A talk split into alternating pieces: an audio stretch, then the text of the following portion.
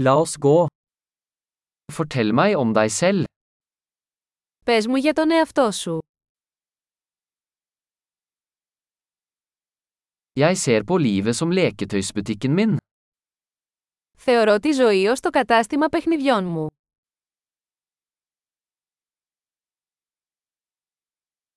Bedre å be om tillatelse enn om tilgivelse. Καλύτερα να ζητήσεις άδεια παρά συγχώρεση.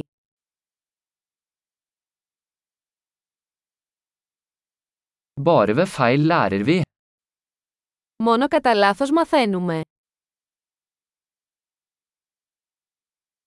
Og ved observasjon. Feil og observasjon. Observer mer. Και με παρατήρηση. Λάθος και παρατήρηση. Παρατηρήστε περισσότερα.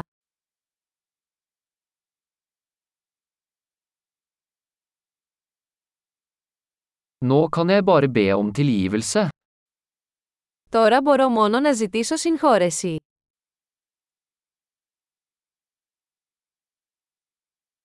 Hvordan vi føler om noe bestemmes ofte av historien vi forteller oss selv om det. Το πώς νιώθουμε για κάτι συχνά καθορίζεται από την ιστορία που λέμε στους εαυτούς μας για αυτό.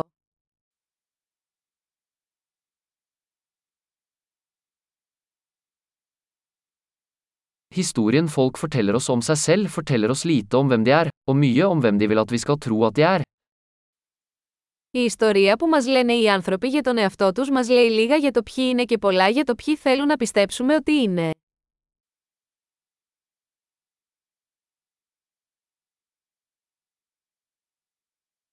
Evnen til å utsette tilfredsstillelse er en prediktor for suksess i livet. Η ικανότητα καθυστέρησης της ικανοποίησης είναι ένας προγνωστικός δείκτης επιτυχίας στη ζωή.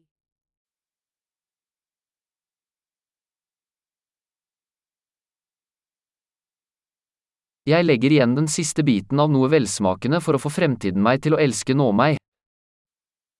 Αφήνω την τελευταία μπουκιά από κάτι νόστιμο για να κάνω το μέλλον με να αγαπήσω τώρα εμένα.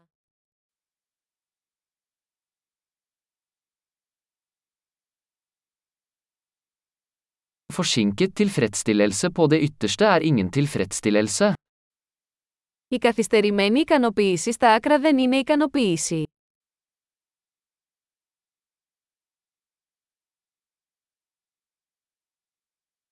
Hvis du ikke kan være fornøyd med en kaffe, så kan du ikke være fornøyd med en yacht. Αν δεν μπορείς να είσαι ευχαριστημένος με έναν καφέ, τότε δεν μπορείς να είσαι ευχαριστημένος με ένα γιότ.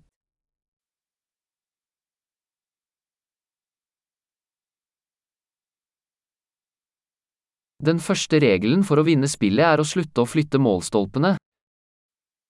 Ο πρώτος κανόνας για να κερδίσετε το παιχνίδι είναι να σταματήσετε να μετακινείτε τα goalpost.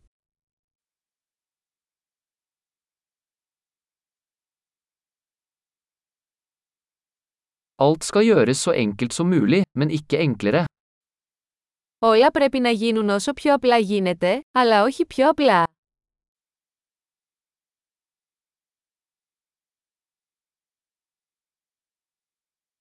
Jeg vil heller ha spørsmål som ikke kan besvares enn svar som ikke kan stilles spørsmål ved. Θα προτιμούσα να έχω ερωτήσεις που δεν μπορούν να απαντηθούν παρά απαντήσεις που δεν μπορούν να αμφισβητηθούν.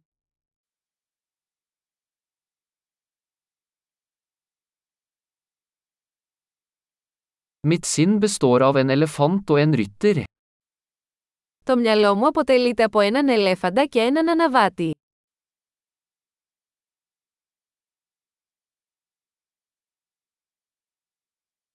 Bare ved å gjøre ting elefanten misliker vil jeg vite om rytteren har kontroll. Μόνο κάνοντας πράγματα που αντιπαθεί ο ελέφαντας θα ξέρω αν ο αναβάτης έχει τον έλεγχο.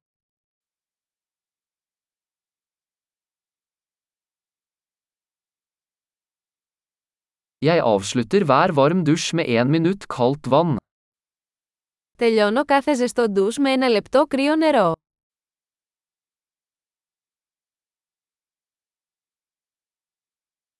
Elefanten vil aldri gjøre det, rytteren gjør det alltid. Ο ελέφαντας δεν θέλει ποτέ να το κάνει, ο αναβάτης πάντα το θέλει.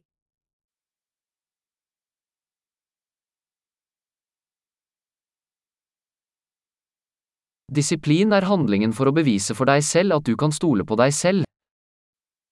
Η πειθαρχία είναι η πράξη του να αποδεικνύεις στον εαυτό σου ότι μπορείς να εμπιστευτείς τον εαυτό σου.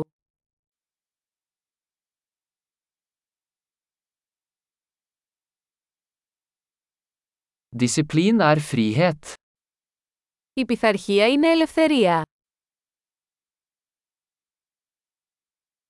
Disiplin må praktiseres i små og store måter.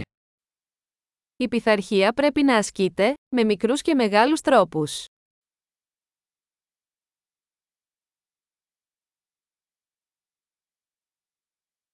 Selvfølelse er et fjell laget av lag med maling. Η αυτοεκτίμηση είναι ένα βουνό φτιαγμένο από στρώματα μπογιάς.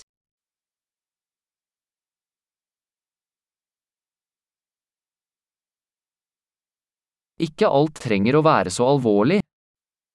Δεν χρειάζεται να είναι όλα τόσο σοβαρά.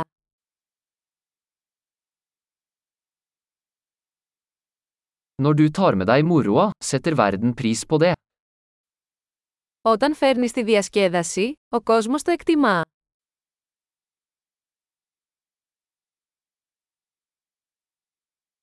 Har du noen gang tenkt på hvor skummelt havet ville vært hvis fisk kunne skrike?